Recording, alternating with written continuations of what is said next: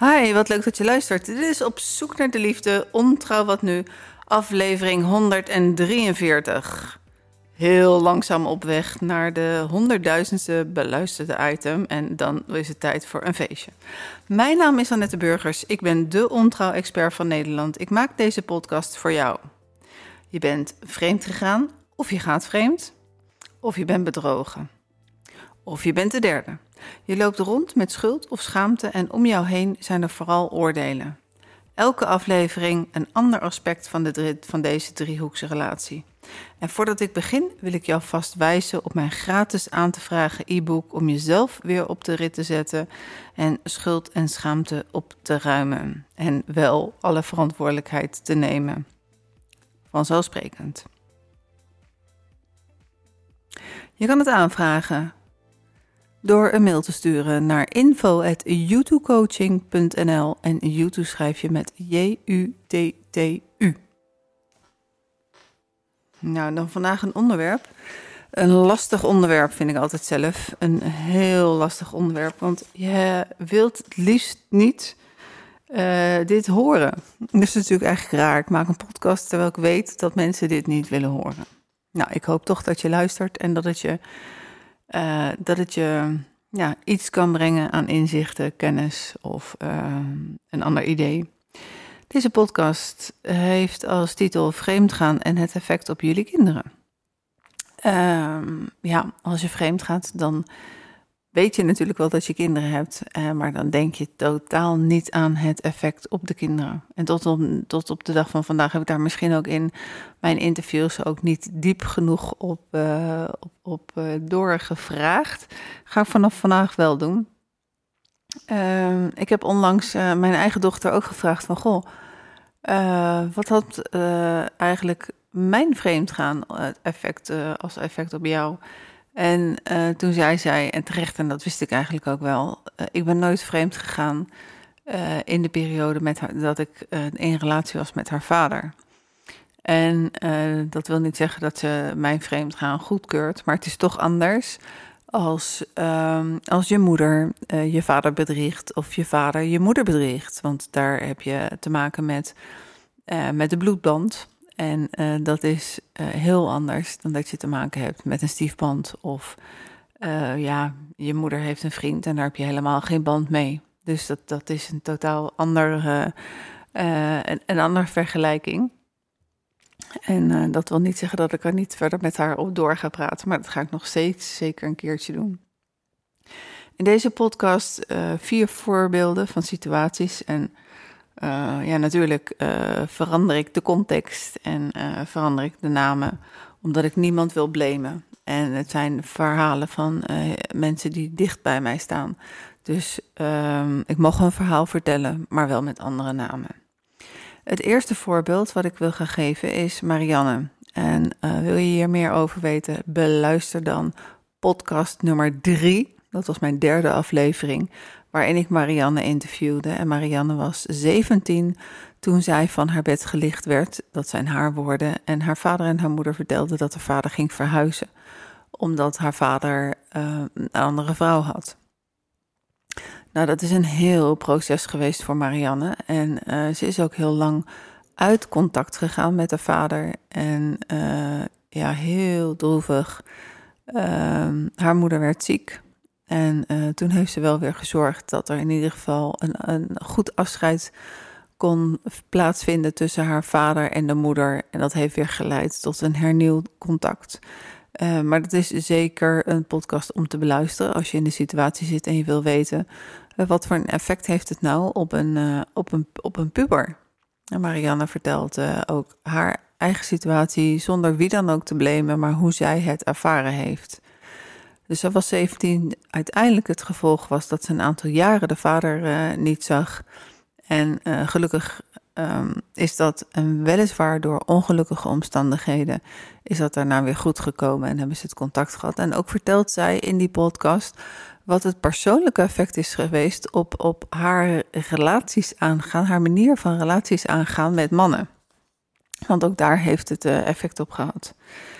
Uh, verder dan de situatie, um, Marieke en uh, Arthur, die zijn ooit verliefd geworden op elkaar.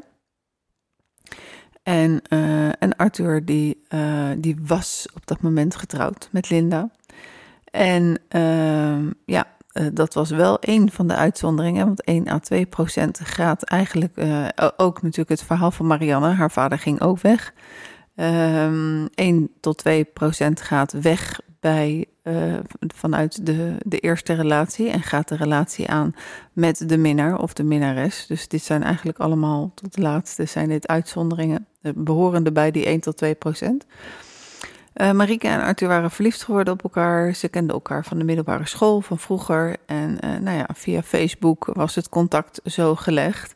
En, um, en, nou, en Arthur werd tot over zijn oren verliefd op Marieke. En uh, verliet toen Linda.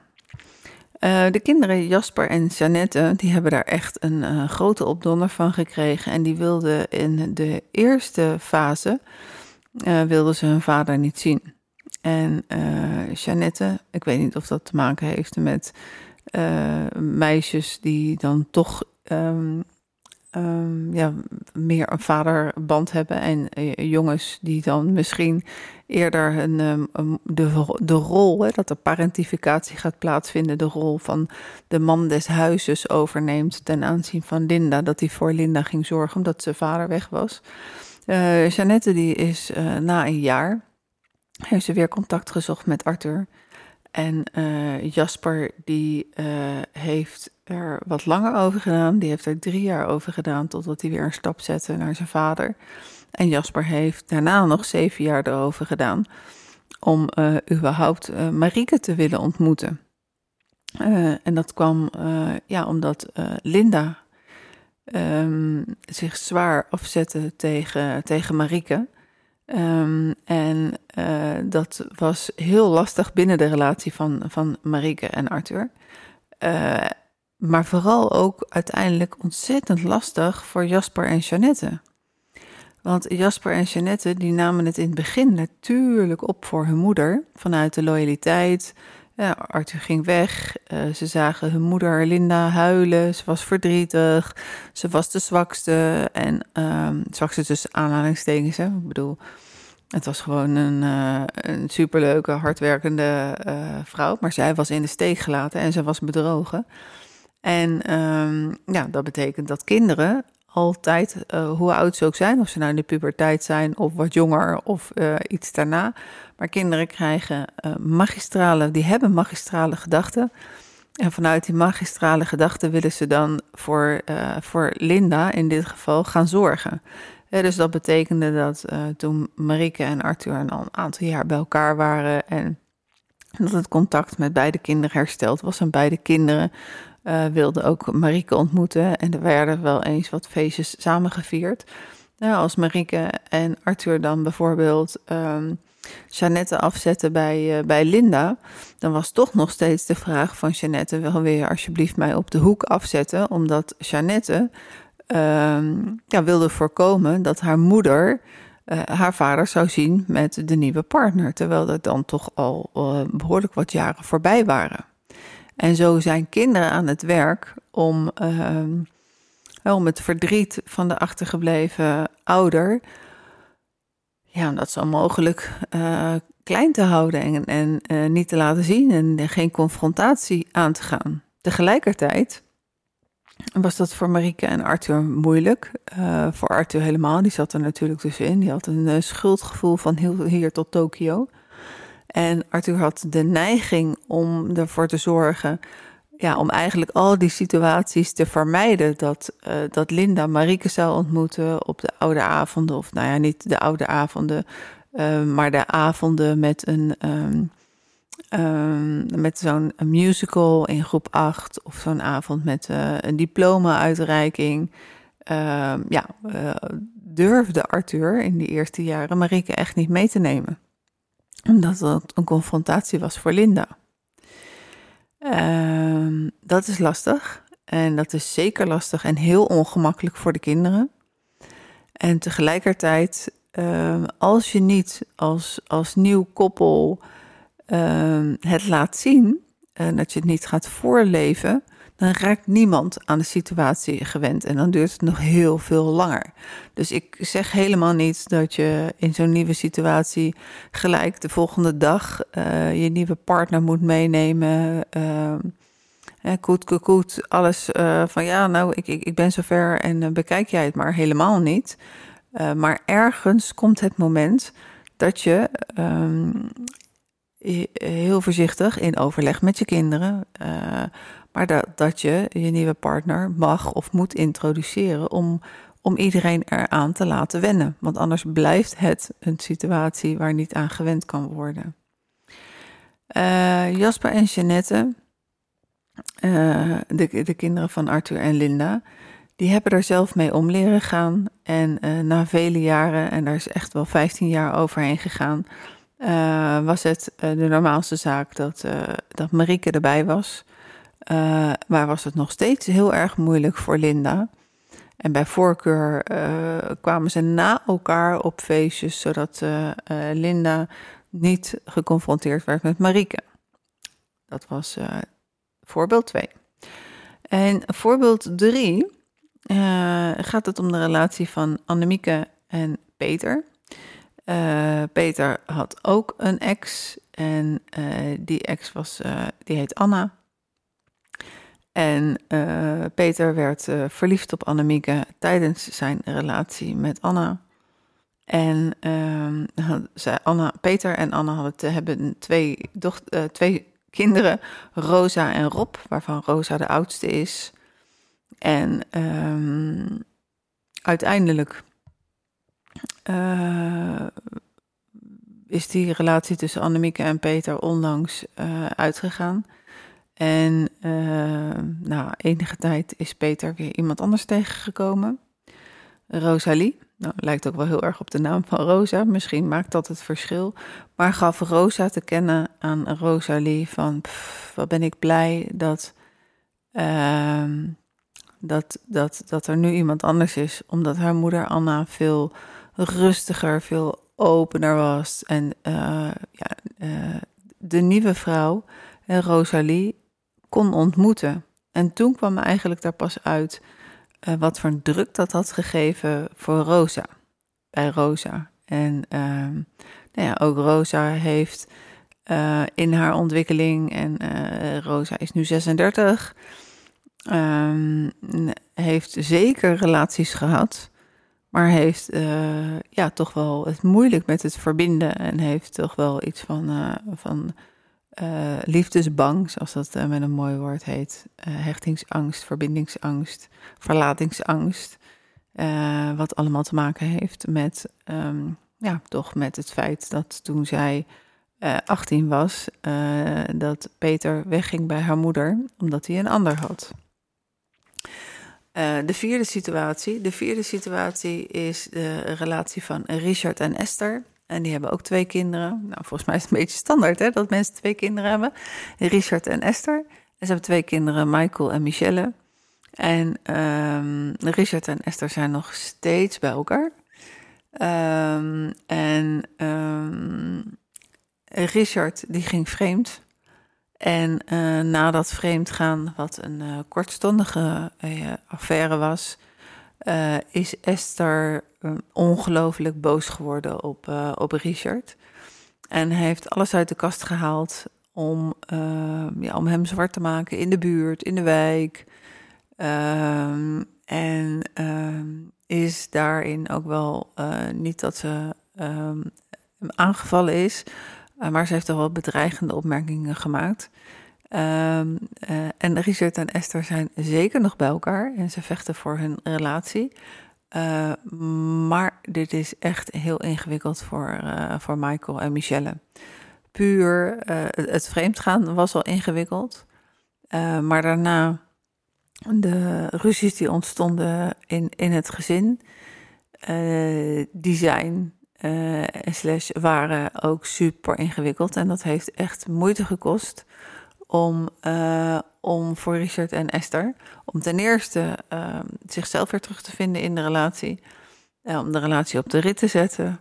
En eh, om te kijken van, goh, wat was er, eh, wat was er wel goed in onze relatie? Wat was er niet goed in onze relatie? En om, ehm, om er te gaan staan als ouders. Vanuit een en ander hebben we echt allebei eh, ontzettend verkeerd aangepakt.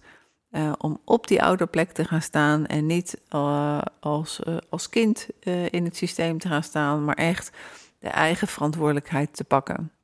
En om dat ook aan te geven aan hun kinderen. En om dat heel voorzichtig en, en hoopvol weer te gaan herstellen.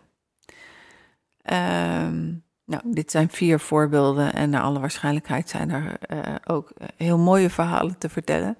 Ehm, het enige wat ik wil met, dit, met, dit, met deze podcast is uh, om de focus te, hè, de, de kijker is te zetten op de kinderen. Van oké, weet je, als jij vreemd gaat, los van het effect op jouw partner, wat is dan het effect op jullie kinderen? En in deze wil ik ook verwijzen naar mijn eigen podcast, uh, nummer 101, nummer 100, sorry, knip, knip, knip. Nummer 41, mijn uh, podcast met Els van Stijn. Waarin Els van Stijn ook heel goed uitlegt dat er systemisch gebeurt. En als je erover praat of als je er niet over praat, uh, beluister die podcast in ieder geval met Els van Stijn. Ook podcast nummer 114 uh, met Leoniek, waar Leoniek van der Marel, waar we het hebben over dat uh, vreemdgaan een, relatie, een relatietrauma is.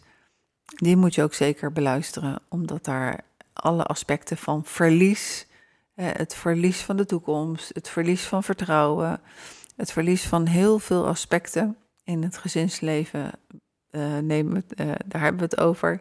Dus beluister die in ieder geval. Nou, mocht jij deze podcast beluisteren en jouw verhaal willen vertellen over dat jij de derde was, uh, of vreemd bent gegaan, of je partner was ontrouw, of je bent als kind ermee geconfronteerd en je bent inmiddels volwassen dat je niemand meer um, toestemming hoeft te vragen om je verhaal te vertellen. En je wilt je verhaal vertellen, schrijf het dan naar info.youtubecoaching.nl. Nogmaals, ik uh, wil niemand blamen, daar ben ik ook helemaal niet uh, mee bezig in de podcast. Ik wil alleen een taboe doorbreken en ik wil alle aspecten van de driehoeksverhouding belichten. En um, laten zien, laten horen in dit geval wat het effect kan zijn van vreemdgaan. Dus wil jij jouw verhaal vertellen of wil je je verhaal schrijven, zodat hij in mijn nieuwe e-book komt met uh, verhalen van ervaringsdeskundigen? Neem dan contact op me op. info.youtubecoaching.nl En ook als je mijn gratis e-book wil ontvangen of mijn relatiescan, uh, stuur dan een mailtje. Dan heb je hem binnen 24 uur in jouw mailbox zitten. Dan gaan we heel langzamerhand weer uh, naar het einde van, uh, van deze podcast. Het was weer lekker een korte podcast. Voor, over uh, voor mij een ingewikkeld onderwerp, omdat het, ja, het heeft met kinderen te maken. Het is natuurlijk altijd niet de bedoeling om je eigen kinderen te kwetsen. Maar het kan er zomaar wel van komen. Vreemd gaan. Wat is het effect op jullie kinderen? En dan hoop ik dat je de volgende keer ook weer luistert. Tot dan. En heb je een onderwerp voor een item eh, dat je zegt van... Goh Annette, bespreek het eens vanuit die hoek of vanuit die hoek. Uh, stuur dan ook het mailtje info at En uh, wie weet uh, pak ik jouw onderwerp op. Heb jij te maken met ontrouw en ben je geïnteresseerd in hoe ik jullie kan begeleiden... Altijd als eerste werk ik met een gratis en geheel vrijblijvend kennismakingsgesprek. Dan uh, kan ik jullie vertellen hoe ik jullie kan helpen. En dan kunnen jullie mij vertellen waarmee je geholpen kunt worden. En dan kunnen we kijken of er een klik is. YouTube betekent overigens klik. Een Fins woord is dat. Um, heb je nog vragen? Stel ze gerust. En uh, heb je feedback op de podcast? Vertel het me. Daar sta ik helemaal open voor.